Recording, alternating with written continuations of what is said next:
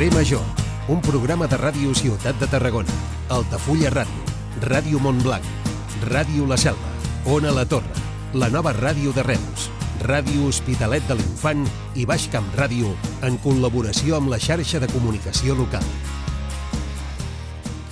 Hola, bona tarda. La pagesia ja ha arribat a Barcelona. Ho fa fet eh, fa poca estona, passades les dues de la tarda, i amb més de 2.000 tractors en una mobilització que ja es considera històrica. El sector que va començar ahir les protestes arreu del país, eh, com dèiem, ha entrat eh, fa poca estona a la capital catalana amb marxes lentes que estan discorrent per l'Avinguda Meridiana i la Diagonal. Els pagesos tenen previst aparcar centenars de tractors a la Diagonal i a la Gran Via i anar a peu cap a la representació de la Comissió Europea, la delegació del govern espanyol i també al Palau de la Generalitat. Com dèiem, unes protestes que començaven ahir. Les ha impulsat una plataforma que es diu 6F, comptant també amb el suport d'Unió de Pagesos i aquí al nostre territori, al Camp de Tarragona, també van tenir repercussió amb talls a les eh, principals vies de comunicació de la zona. Hi ha hagut ja reaccions polítiques. Avui el president del govern espanyol, Pedro Sánchez, ha promès que infortirà la llei de la cadena alimentària per respondre a les demandes de la pagesia, a les demandes del camp. I des del ple del Parlament, el president de la Generalitat, eh, Pere Aragonès, també ha demanat revisar els tractats de comerç europeus i la relació amb les grans cadenes alimentàries. Per la seva banda, en aquest ple eh, del Parlament s'han abordat també altres qüestions i l'oposició ha pressionat el govern aragonès per la sequera i CUP i Comuns han reclamat restriccions per al turisme. Tot això en un dia en què al Cercle d'Economia hi ha hagut una jornada també sobre la qüestió de la sequera i la gestió de l'aigua. Hi han participat enginyers economistes que han tornat a reclamar, com ja ho van fer a finals de desembre amb un manifest, la interconnexió de xarxes, la interconnexió de la xarxa que ens dona servei aquí, la del Consorci d'Aigües de Tarragona, amb la del Ter Llobregat com a recurs per fer arribar aigua a la zona metropolitana de Barcelona en aquest context tan difícil que estem vivint ara. I al marge de tot plegat, hem de dir que el Partit Popular de Catalunya ha recorregut al Tribunal Constitucional el decret que regula els habitatges d'ús turístic, un decret que afecta molts eh, municipis del Camp de Tarragona. Els populars han afirmat que vulnera el dret de la propietat i el principi d'autonomia local. Això és carrer Major. Som vuit emissores del Camp de Tarragona treballant plegades per acompanyar-vos cada tarda des de les 4 i fins a les 6 i ho fem amb el suport de la xarxa de comunicació local.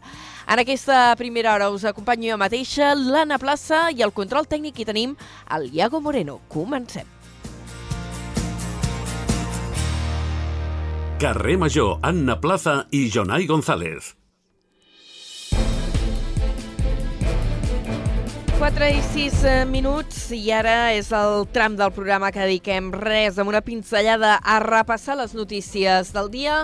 Ho fem amb en Jonai González des de Ràdio Ciutat de Tarragona. Jonai, bona tarda. Molt bona tarda.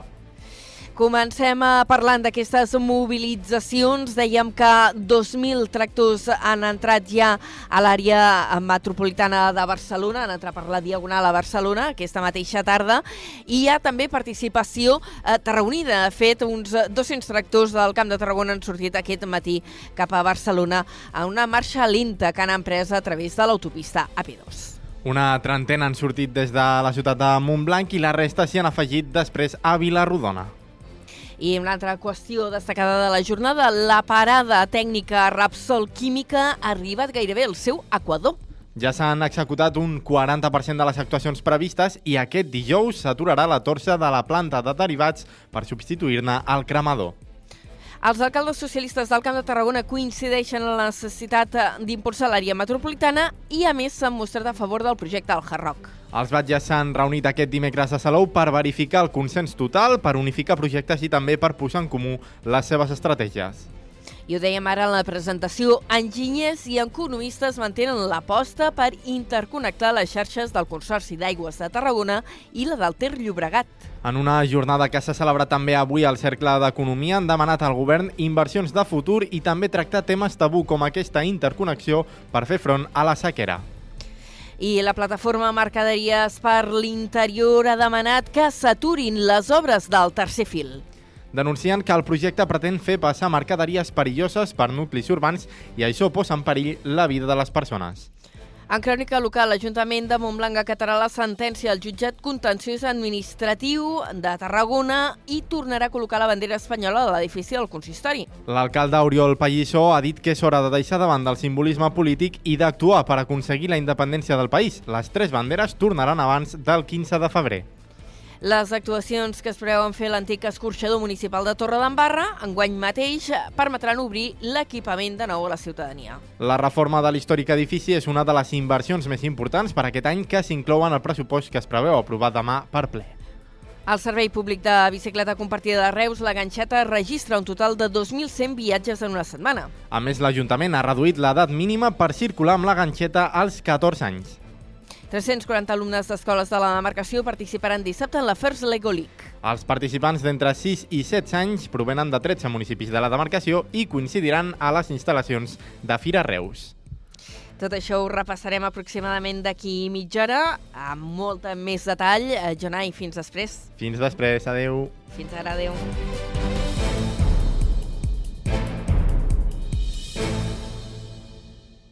Carrer Major. Toni Mateos.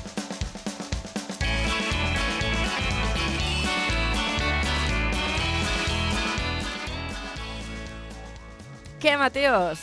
Què plaça? Què Estic rebentada. Ja, ja, ja, ja ho he llegit. Sí, sí, avui és d'aquells dies que anava veient fronts oberts i era allò de no arribem, no arribem, oh, socorro, socorro. Però hem Mare arribat. de. Jo, jo també Aquí porto estem un dia... amb tots vosaltres. Tot, també porto un dia de gravacions avui, perquè hem gravat a, el Guille, que avui no ens pot acompanyar, el Guille Mena, en directe. És que és un senyor hiperocupat, Guillem Eh, Mena, que el sí? Guille és una de les persones més ocupades del món i me diu, Toni, només tinc a la una del migdia. I jo, pues vinga, a la Pues una. a la una, vinga, he, va, he de moure tira. jo coses, per, per, però bueno, bueno és, és, és important tenir avui el Guille, que el tindrem en l'espai De de, et parla? nutricionista. Ens parla dels els influencers alimentaris. Ah, uh, i a dins. Uh, uh, sí, sí, sí, Sí? Aquests influencers... Ell distingeix els bons influencers alimentaris, els que donen consells, amb, amb, amb estudis i tot això, i després parlar de les influencers aquesta de Hola, cariñitos, si queréis tener un cuerpo como el mío, dejad de comer esto y comed eh, semillas de chía cultivadas por monjes budistas, que las podéis encontrar en esta tienda y valen tanto. Pues això és el que el Guille critica. Molt bé. Ja, ja m'imagino per on va la cosa, eh? Sí, pels bons influencers i pels mals influencers. També tindrem de la nostra secció eh, de l'entrevista. Avui parlarem amb Gràcia de la Hoz, una fotògrafa que té una exposició al, Salvador, al Museu Salvador Vilaseca de Reus sobre Xina i una exposició fotogràfica sobre Xina només uns instants, molt bonica. Més cosetes, els tonis. Eh, parlarem dels millors carnavals de l'estat espanyol i tirarem eh, per aquí, per Catalunya, però també per la terra de mons pares, perquè hi ha un Ah. carnaval molt curiós i del qual parlarem. O sigui que se n'anirem a Extremadura avui. Sí, senyora, a la comarca de la Vera.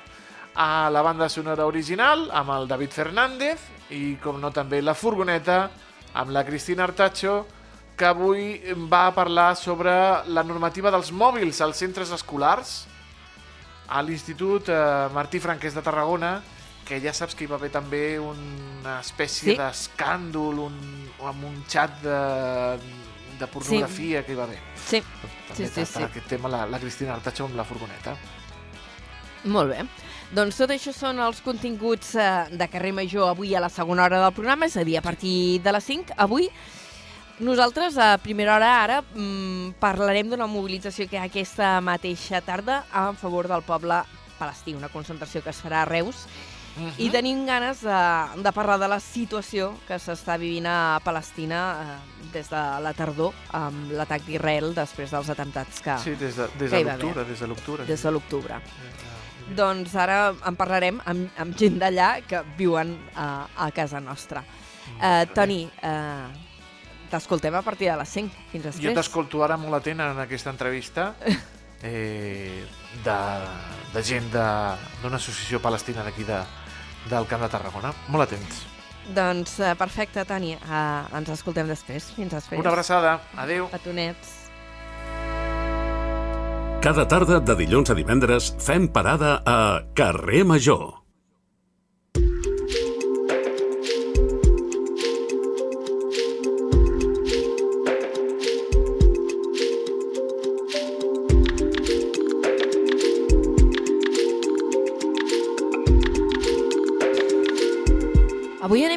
Superpuntuals. Encara no és un quart de cinc de la tarda, de fet falten un parell de minuts i encetem la primera entrevista del programa.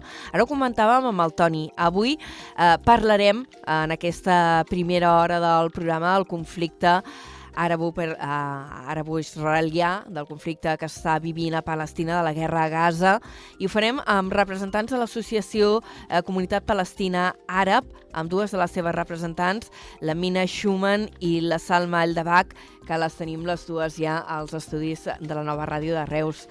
Benvingudes i moltes gràcies per acompanyar-nos avui a Carrer Major. Gràcies. Gràcies, gràcies a ti. Avui us hem convidat, aprofitant la vinentesa, que aquesta tarda eh, hi ha una concentració a Reus. De fet, es farà a les 7 a la plaça del Mercadal. Una concentració que s'ha convocat amb el suport de diversos eh, sindicats d'esquerres. És el cas de la CGT, l'IAC i la Intersindical. Què preteneu amb aquesta concentració d'aquesta tarda?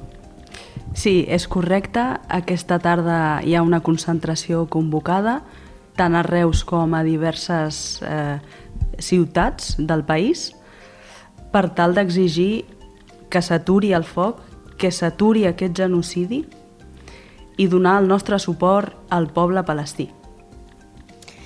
Comencem. Avui Hamas ha proposat, de fet, un alt al foc mm, per tres fases per alliberar els reins i expulsar, i expulsar l'exèrcit israelí de Gaza. Eh, vosaltres ho veieu factible en aquestes altures de, del conflicte i veient també l'actitud tan beligerant i tan tancada que ha mostrat des d'un primer moment el govern de Netanyahu? Eh, de verdad, yo no lo veo, es un conflicto, porque no empezamos del día 7 de octubre. Eh, si queremos eh, aprender la, la, la, el tema Palestina, tenemos que volver antes de 65 años eh, que sufren los palestinos del asedio, del, del, del, um, de limpieza étnica, del, de, del apartheid. Eh, hace 17 años eh, Franja de Gaza está, eh, la gente, eh, viven dos millones de personas en, en el prisión el más grande en el mundo.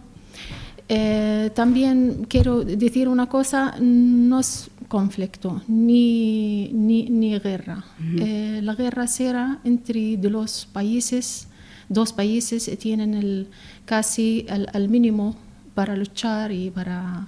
Pero lo que está pasando en Palestina es genocidio uh -huh. Eh, hablamos eh, sobre eh, dos millones desplazados de sus casas, 30 hospitales fuera de servicio, tres iglesias históricas están destruidas. hablamos sobre 35 mil muertos, entre ellos 12 mil niños palestinos.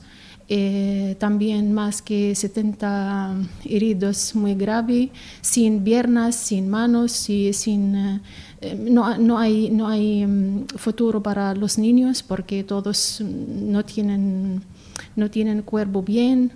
Eh, encima el, el, el, choclo que han cogido de, de esta guerra no es guerra, es genocidio otra vez.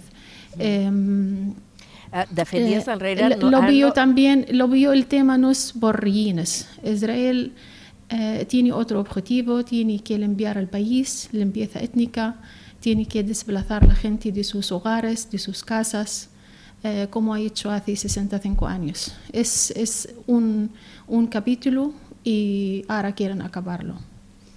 Uh, deia que ara no fa gaires dies, ara no recordo quina, quina entitat internacional era, no sé si era UNICEF, que parlava, i ara que ho esmentaves, no? la situació de la canalla també, que està uh, mm -hmm. patint de manera especialment cruenta uh, aquest uh, conflicte bèl·lic, uh, aquesta deies, no? té unes arrels que venen de 70 anys enrere, però evidentment ara estem vivint un episodi especialment sagnant dintre d'aquest conflicte que, que fa tants anys que, que dura.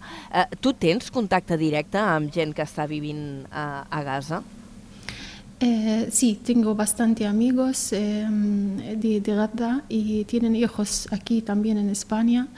Eh, de verdad, el, el, la situación no podemos decir eh, eh, no, es, no es humano, porque la gente, vamos a hablar sobre las mujeres. Las mujeres nacían sus hijos abajo de los compres.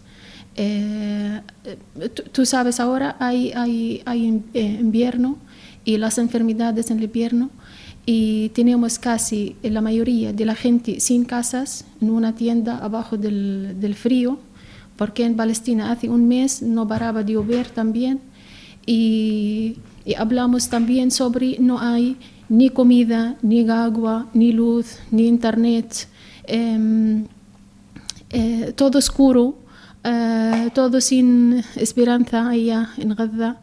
Eh, no pueden hasta la gente aquí no pueden dar eh, enviar dinero a sus familias en Gaza porque no hay bancos no hay Western Union casi todo el país está destruido eh, no hay comida aumentar no hay em, comida entra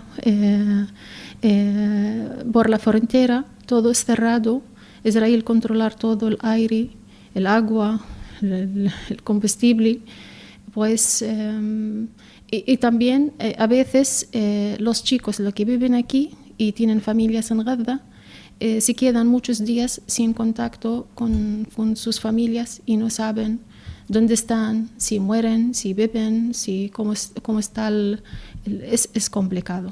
Mm -hmm. Veig que la Salma va fent que sí amb el cap tota l'estona Estic totalment la... d'acord amb el que comenta la, la Mina. Eh, de fet, eh, abans comentava que es tracta d'un genocidi i m'agradaria repetir-ho perquè als mitjans de comunicació moltes vegades se sent la paraula guerra i sentim molta impotència perquè és un genocidi clarament. Um, a part de...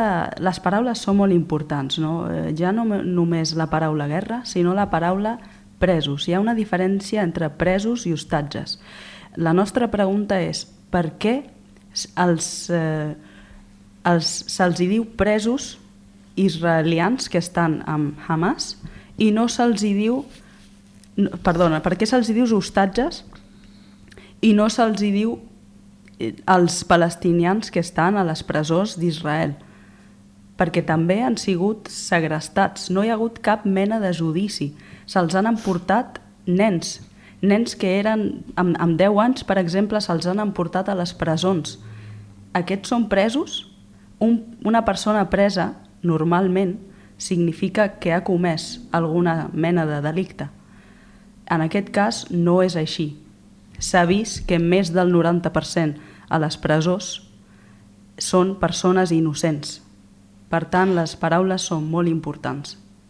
Uh, en aquest cas, uh, des, de, des de la tardor, hem vist fins i tot que el secretari de les Nacions Unides parlava, uh, el secretari general de les Nacions Unides parlava en termes molt similars els que esteu utilitzant ara vosaltres, eh, com a representants del poble palestí, eh, amb una contundència que potser fins ara no s'havia vist davant eh, del paper que està jugant Israel en aquest conflicte, que com dèiem ara s'ha intensificat, ara ha derivat en una guerra cruenta, però que ve de molt lluny.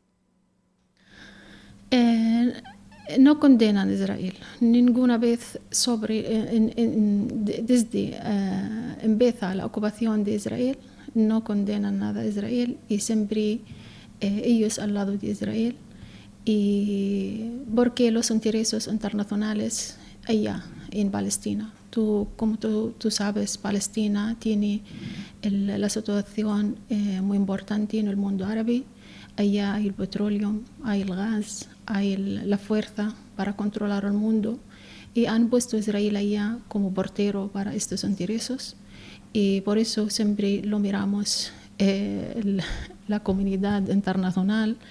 Ellos casi eh, la, la, al lado de Israel, al, al, Estado de Israel, porque es importante el, el intereses. Los intereses y, y, y, tienen que pagar la factura los niños, los que viven en Franja de Gaza y en Cisjordania. Eh, mira, yo mm, de verdad yo, yo vivo en un, vivía en un pueblo eh, en Cisjordania y y sufrí de la, de, de la antifada del 87 y la antifada del 2000. Eh, nosotros vivimos en situación similar a lo que está pasando en Gaza. Tenemos el muro, tenemos eh, colonias más grandes de los pueblos palestinos. Cada pueblo palestino tiene casi al, alrededor de ella tres, tres colonias. Eh, tenemos casi 800 puestos controles. Eh, no hay ningún contacto entre de pueblo y otro pueblo palestino y de una ciudad y otra ciudad. Eh, cada eh, pueblo palestino tiene un, una, una puerta de hierro y entre de los colones y el muro y el puestos controles eh, no queda nada de nuestra tierra, no, no queda nada para nuestro eh, sueño palestino. Ellos eliminan eh, nuestro sueño para hacer Estado palestino porque no hay contacto ni entre Gaza y Cisjordania ni entre Cisjordania y Jerusalén. Eh, somos casi, eh, hablamos sobre eh, dos millones en Gaza, eh, 3 millones en Cisjordania, eh, 2 millones eh, viven dentro del, del, Estado de Israel o el Estado del ocupante.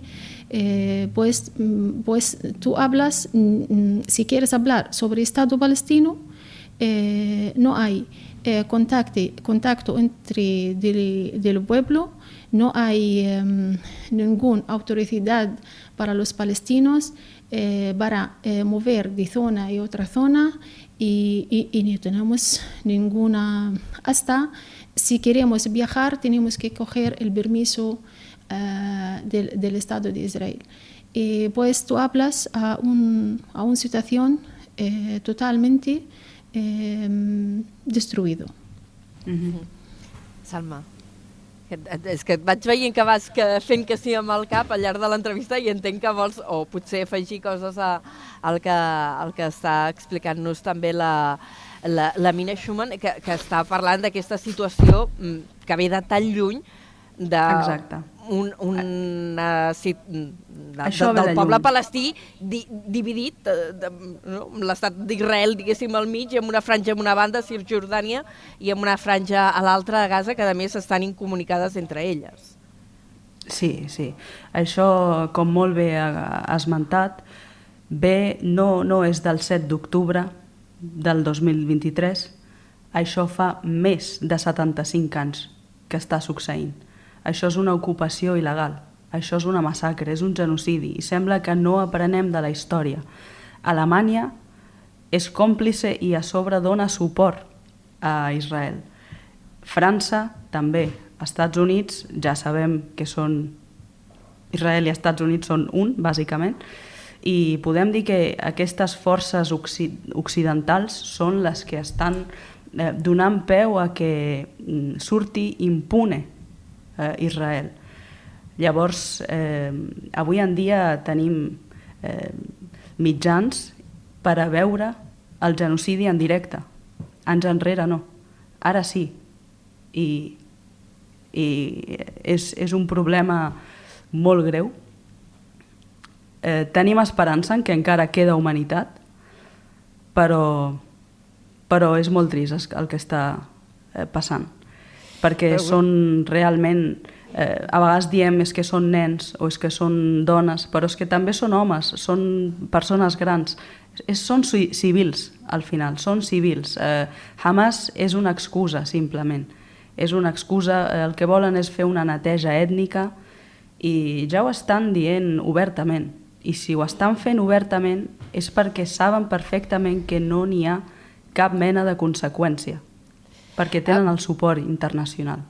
Vosaltres sou representants I l'acord internacional eh, que va denunciar eh, Sud, eh, Sud-àfrica fa uns dies, unes setmanes, eh, ja vam veure que l'acord internacional va dubtar molt, va dubtar molt en dir sí, això és un genocidi.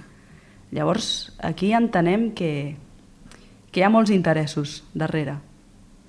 I quan Yemen, el país més pobre, el país àrab més pobre, va decidir posar límits, posar límits per tal de eh, parar i frenar aquesta massacre, ja hem vist què, està, què ha passat. El que ha passat és que eh, tots han anat en contra, tots han anat a atacar aquest país. Per què? Aquí està la pregunta, per què? La justificació que s'havia donat als atacs del Iemen és que hi havia hagut també eh, atacs a, a, al comerç internacional que passa pel Golf Pèrsic i aquesta és la justificació que... Sí, és a dir, un paquet, un paquet d'Amazon eh, és més important. No? Eh, nosaltres ens queixem de que, oh, és que no m'arriben els paquets o és que estem perdent diners perquè hem de donar la volta. Ja, aquí sí que es mobilitza tothom perquè hi ha un interès econòmic. Però quan hi ha vides humanes, a ningú li importa. Llavors, Escolta. deixem de parlar tant de l'Holocaust perquè estem repetint un altre. Vosaltres sou membres de l'Associació Comunitat Palestina Àrab al Camp de Tarragona. Expliqueu-nos una mica què, qui sou aquesta associació, com esteu organitzats i quin contacte teniu amb la gent que està vivint ara mateix a Palestina i que segurament molts són parents i amics. Eh, nosotros casi mm, eh, hacemos la o empezamos en nuestro trabajo eh, en Tarragona exactamente hace tres años, pero en España hace diez años porque estoy miembro en todas las comunidades palestinas, en, no solo en España, en Europa. pero lo vi, yo lo vi en Tarragona, no hay comunidad palestina árabe y empieza a trabajar para hacerla.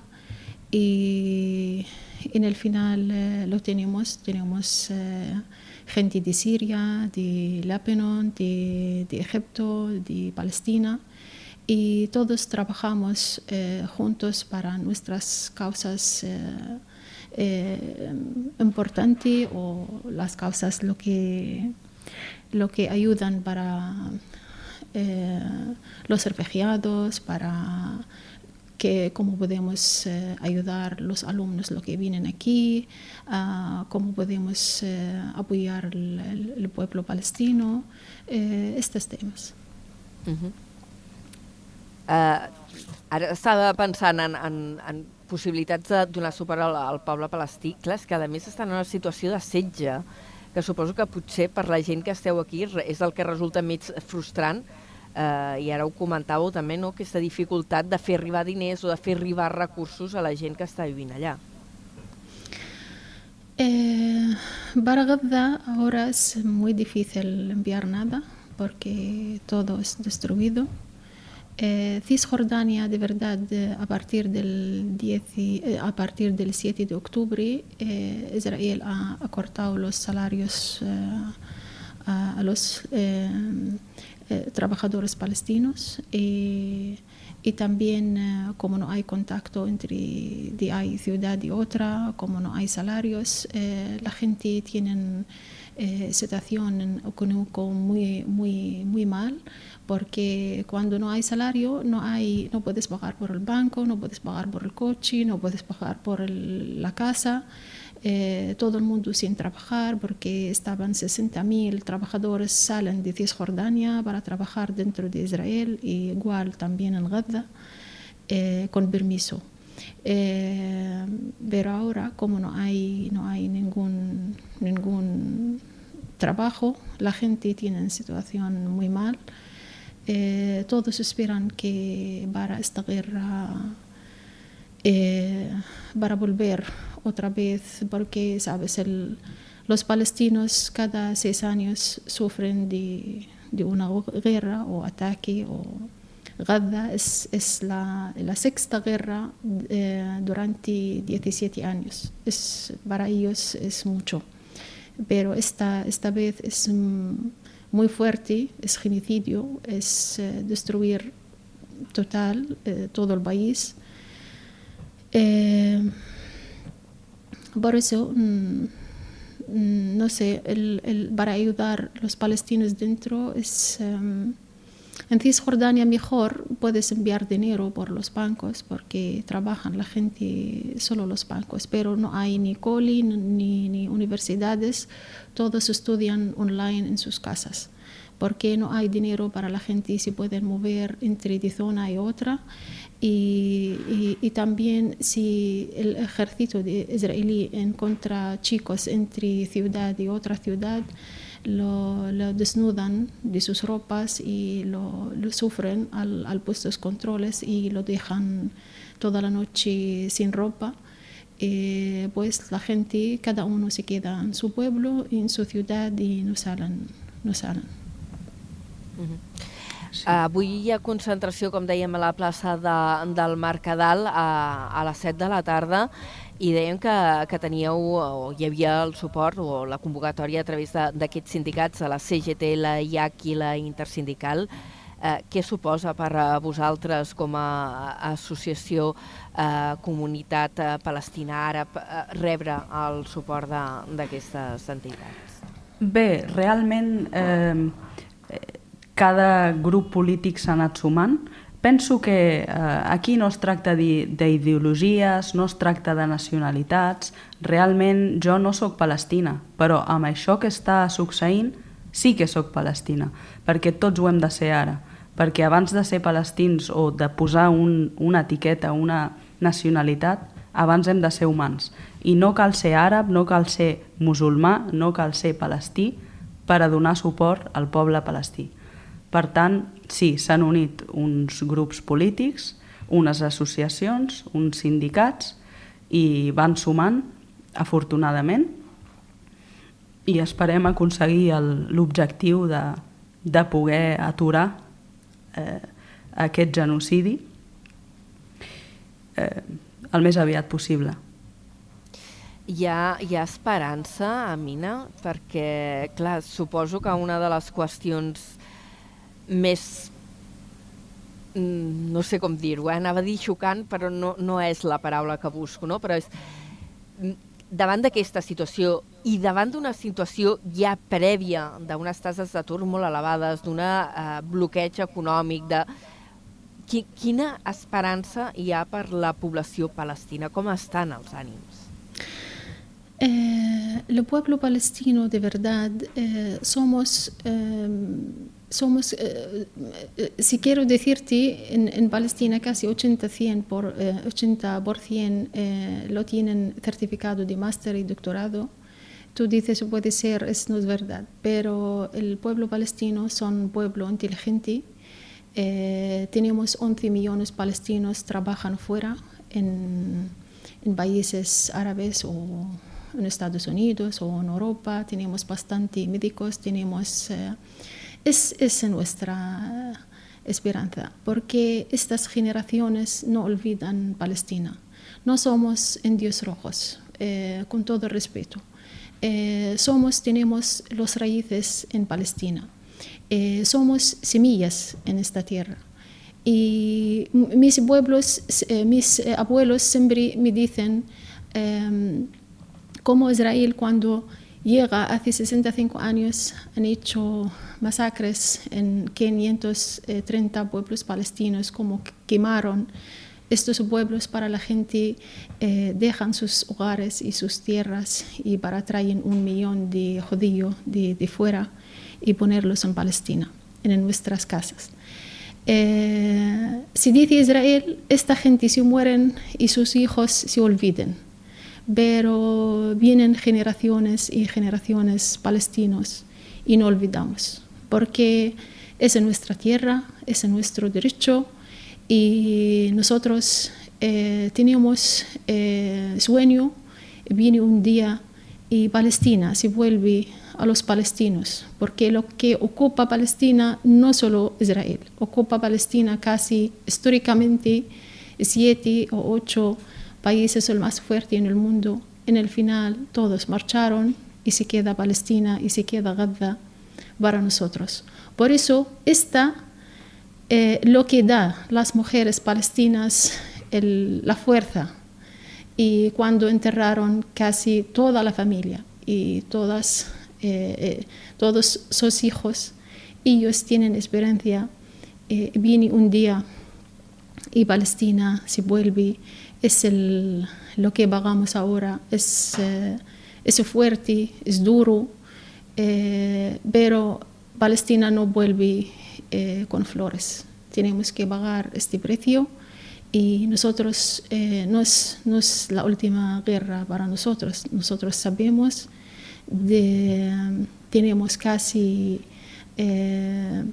muchos años luchando, tenemos 5 o 7 mil en, en, prisio- en- en- los cárceles israelíes y, y tienen cadenas perpetuas y no salen toda la vida de, sus, de, de estos cárceles hasta cuando se mueren. eh, Israel roba sus, sus piel eh, porque tiene el, el- el- el banco de piel el más grande en el mundo de, de- de- del, del- del piel de los palestinos, lo que mueren en los cárceles porque no podemos, eh, no podemos cogerlos, porque es así, Israel es así. Pues esa es la experiencia, eh, se queda con nosotros, enseñamos a nuestros hijos, Palestina se vuelve un día y por eso. Hem conversat avui amb la Mina Schumann de l'Associació Comunitat Palestina Àrab i amb la Salma Eldabach, eh, que estaria a l'estudi de la nova ràdio de Reus. Us agraïm moltíssim que hagueu vingut avui al programa, que hagueu explicat eh, aquesta experiència en relació al poble palestí, amb aquest conflicte eh, que fa dècades eh, que s'allarga des de, després de la Segona Guerra Mundial i amb l'esclat de violència que hi ha hagut des d'aquesta tardor que s'està concretant amb una guerra sagnant. Us agraïm moltíssim que hagueu vingut avui al programa i recordem que aquesta tarda a les 7 hi ha convocada una concentració a la plaça del Mercadal, una concentració que compta amb el suport dels sindicats, eh, la CGT, IAC i Intersindical. Moltes gràcies a les dues per haver... Gracias, Ana. Moltes gràcies. Palestina serà lliure des del riu fins al mar i l'esperança mai s'ha de perdre. Gràcies. Gracias a vosotros. Fins la pròxima. Adéu-siau. Ah, Gracias. Dios. Carrer Major, al Camp de Tarragona, des de ben a prop.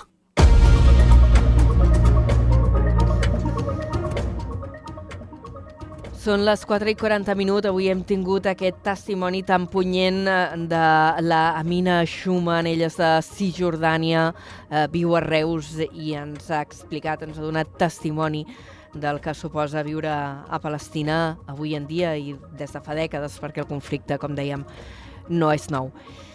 I ara ens endinsem en el resum de les notícies de la jornada. Ara hi ha més detall, abans les hem apuntat amb titulars.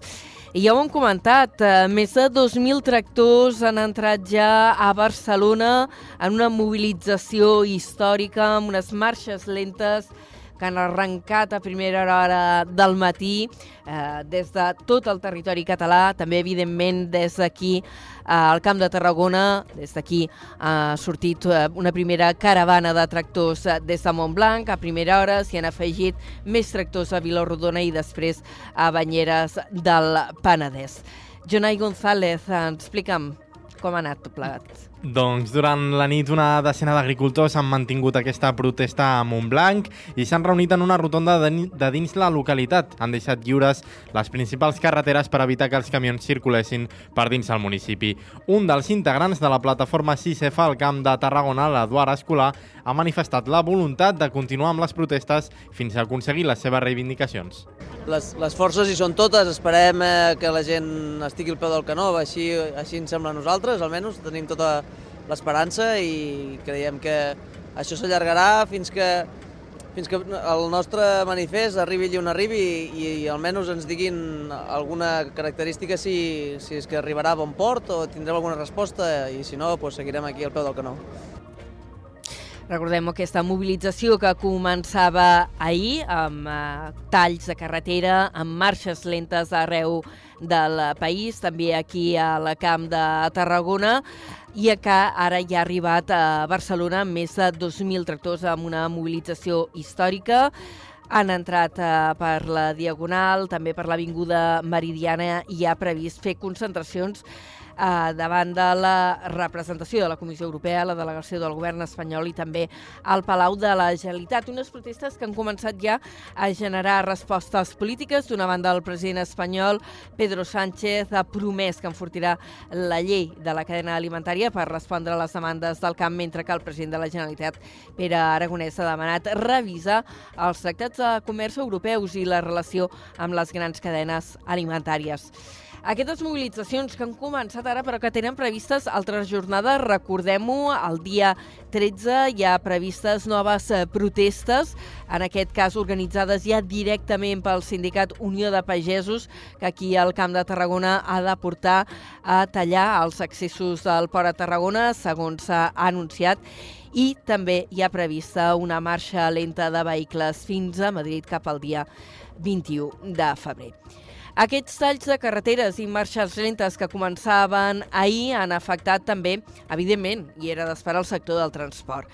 Així tot, des de la patronal tarragonina, la FEAT han manifestat que el fet que les protestes s'haguessin anunciat amb antelació els han permès a, a planificar rutes alternatives. De fet, el director de la Federació de l'Autotransport, Josep Lluís Aimat, ha demanat seny als manifestants i que no reprodueixin aquí situacions com les que es van viure a França, on les protestes es van arribar a destrossar camions. L'entitat té previst fer avui dimecres un balanç més precís de l'afectació que han patit. I més eh, qüestions eh, d'actualitat. Eh, hem de parlar també de la parada que s'està fent a Repsol Química i que ja ha arribat gairebé al seu equador.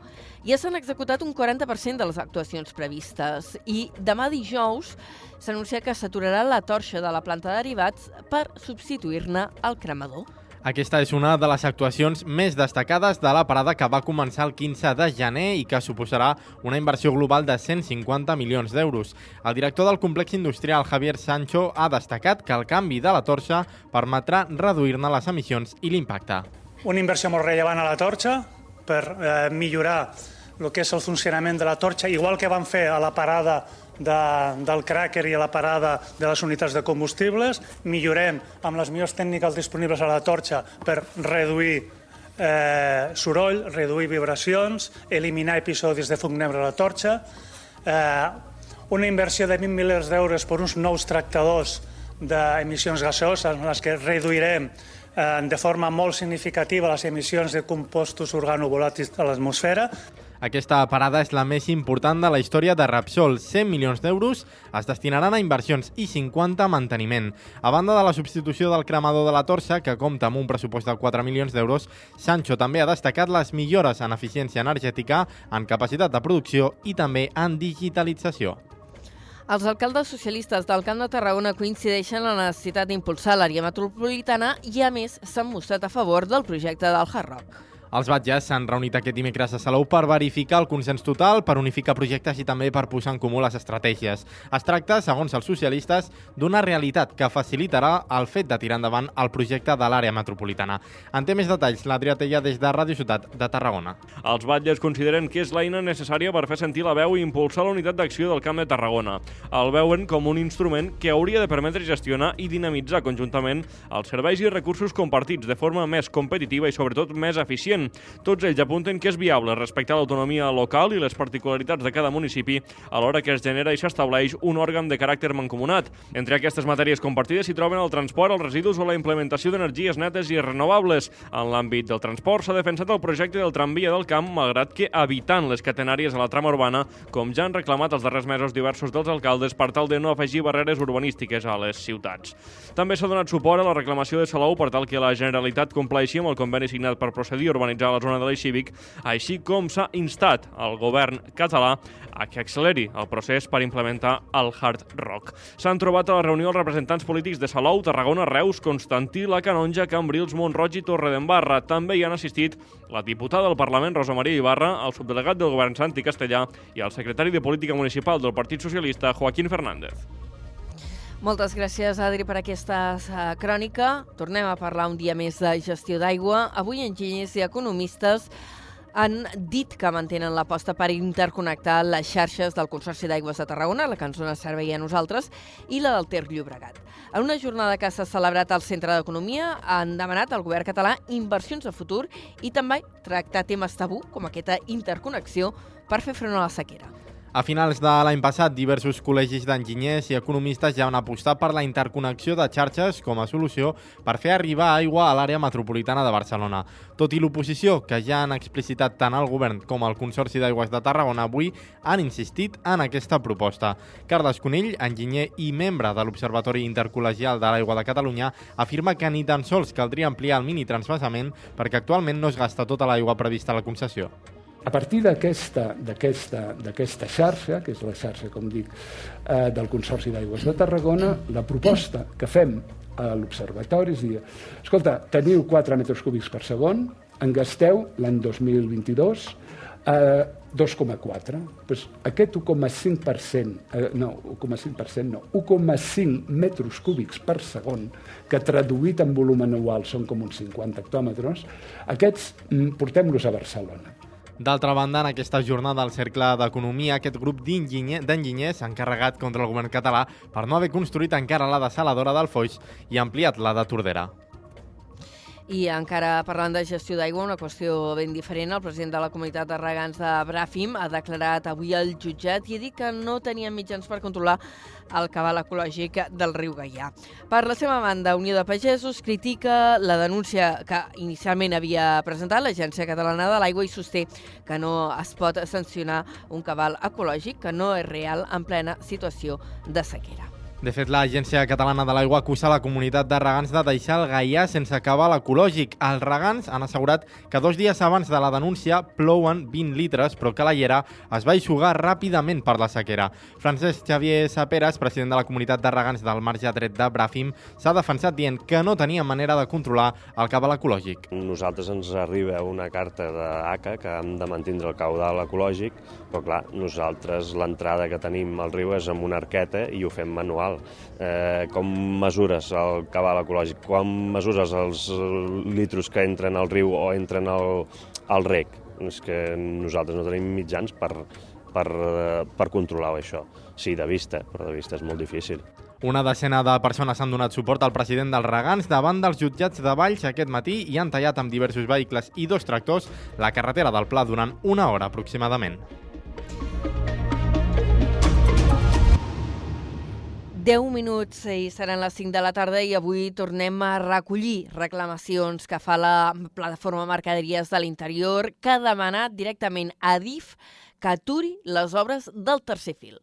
Denuncien que el projecte pretén fer passar mercaderies perilloses per nuclis urbans i això posa en perill la vida de les persones. Ens ho explica des de Radio Ciutat de Tarragona l'Irene Urbistondo. El portaveu de la plataforma, José Enrique Vázquez, ha explicat la seva preocupació pel tema. Comenta que el tras del corredor incompleix normatives europees mediambientals i de seguretat ciutadana. Afegeix que les vies del litoral mai han estat preparades per transportar mercaderies i reitera que la proposta no és viable i si es fa seria un col·lapse absolut. El tercer fil consisteix en la mateixa via que potser té 100 anys, una via absolutament obsoleta, afegir un carril més per complir l'ample de la Unió Europea fem una infraestructura vital per a tot l'estat espanyol, vital per a Catalunya, fent un nyap, posant un tros més de riel i dient que això serà el corredor mediterrani de la Unió Europea. Estem fent el ridícul. També ha volgut enviar un missatge als polítics encarregats d'impulsar aquest projecte. Escoltin, assessorins per tècnics.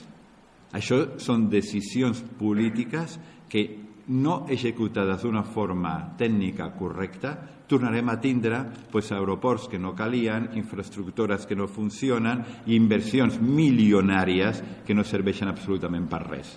La plataforma fa un any va proposar una alternativa al Ministeri, que mantenia els trens de passatgers per la línia litoral, però feia passar els trens de mercaderies per una altra ruta interior. El nou tras donava resposta a la negativa de tots els partits de les poblacions afectades, que s'havien manifestat en contra de que el corredor passés pel nucli de les seves poblacions i, a més, també aconseguia aprofitar infraestructures ja existents. Moltes gràcies, Irene. Parlant d'infraestructures ferroviàries, Adif anuncia que reforçarà l'eficiència en circulació en cinc estacions de les línies Saragossa-Lleida i Lleida-Barcelona, amb una inversió de 33 milions i mig d'euros. A Tarragona, la modernització dels sistemes de gestió del trànsit es farà a Montblanc i Vilaverd. Amb aquesta inversió es preveu incrementar les prestacions de fiabilitat de la circulació ferroviària en aquestes estacions. El contracte comprèn el disseny i definició, la redacció del projecte constructiu i també l'execució dels treballs. I seguim situats a Valls, on l'Ajuntament ha anunciat que acatarà... A Valls no, a Montblanc on l'Ajuntament anuncia que acatarà la sentència del jutjat contenciós administratiu número 1 de Tarragona i tornarà a col·locar la bandera espanyola a l'edifici del consistori. L'alcalde Oriol Pallissó ha dit que és hora de deixar de banda el simbolisme polític i d'actuar per aconseguir la independència del país. Ha assegurat que amb la decisió d'executar la resolució judicial no traeix els seus principis republicans. Ell i el secretari municipal s'enfronten a la inhabilitació per un delicte de desobediència greu. L'associació Impulso Ciudadano va denunciar-ho, va denunciar a Pallissó i l'alcalde ha explicat que quan va accedir a l'alcaldia el juny del 2023, les tres banderes estaven situades damunt de la taulada i que les van retirar perquè estaven deteriorades. Els suports de ferro, que les sostenien, no estaven en bon estat i havien danyat part de l'edifici. Amb tot, ha explicat que han decidit no allargar més els procediments judicials per no finançar l'entitat. Tot i això, la sentència del jutjat contenciós número 1 de Tarragona es podia recórrer al Tribunal Superior de Justícia de Catalunya només durant els 15 dies posteriors a la notificació que es va produir el 21 d'abril de l'any passat, però Pallissó no va accedir al càrrec fins al 17 de juny. I seguim amb notícies de l'àmbit municipal. Anem fins a Torre d'Embarra, on les activacions que es preveuen fer enguany a l'antic escorxador municipal permetran obrir aquest equipament de nou a la ciutadania. La reforma de l'històric edifici és una de les inversions més importants per aquest any que s'inclouen al pressupost que es preveu aprovar demà per ple. Ens ho explica des d'Ona la Torre en Josep Sánchez. En total s'hi destinaran 236.000 euros i amb aquesta intervenció l'edifici, de 690 metres quadrats de planta, obrirà les seves portes per a l'ús de les entitats culturals del municipi. Durant la presentació del pressupost aquest passat dilluns, l'alcalde Eduard Rovira va explicar que la intervenció consistirà en un reforç i consolidació de l'estructura i la construcció del sostre amb la creació d'espais diàfans a la planta baixa i la primera planta. Una, una remodelació de l'estructura, un reforç de l'estructura, consolidació, construcció del sostre amb, amb uns nous pendents perquè la teulada no té el, la inclinació que seria correcta, el qual sempre pot provocar problemes d'aigua en un futur. Serà una primera fase de la intervenció que es vol fer a l'edifici, però una vegada acabada ja podrà obrir portes. Quedaran algunes qüestions pendents, ja que de moment no es preveu instal·lar un ascensor que pugi al primer pis. I el Servei Públic de Bicicleta Compartida de Reus, la Ganxeta, ha registrat un total de 2.100 viatges en una setmana. A més, l'Ajuntament ha reduït l'edat mínima per circular amb la ganceta als 14 anys. Ens ho explica des de la nova ràdio de Reus, la Laura Navarro. Durant la primera setmana de servei hi ha 1.700 usuaris registrats i s'han comptabilitzat 3.500 descargues de l'aplicació, 2.100 per Android i les 1.400 restants per iOS. Per l'estrena s'ha activat una promoció que permet gaudir de la ganxeta de manera gratuïta durant tot el mes de febrer. A partir de març la ganxeta tindrà un preu de 20 cèntims al dia i descomptes pels usuaris habituals. Hi haurà un tiquet de 20 24 hores que tindrà un cost d'un euro i permetrà usos il·limitats inferiors a 30 minuts. També s'han activat diverses bonificacions mensuals segons la franja d'edat. Els usuaris de 14 a 29 anys i els de partir de 65 anys pagaran en total 6 euros al mes. Com a novetat s'ha reduït l'edat mínima per circular amb la ganxeta a partir dels 14 anys, però serà obligatori l'ús del cas per menors de 16. Aquest canvi serà efectiu d'aquí a unes setmanes. Moltes gràcies i acabem apuntant breument que 340 alumnes d'escoles de la demarcació participaran dissabte en la First Lego League. Els participants d'entre 6 i 7 anys provenen de 13 municipis de la demarcació i coincidiran a les instal·lacions de Fira Reus. Una competició tecnològica que organitza la Universitat Rovira i Virgili. Tanquem així la primera hora del programa.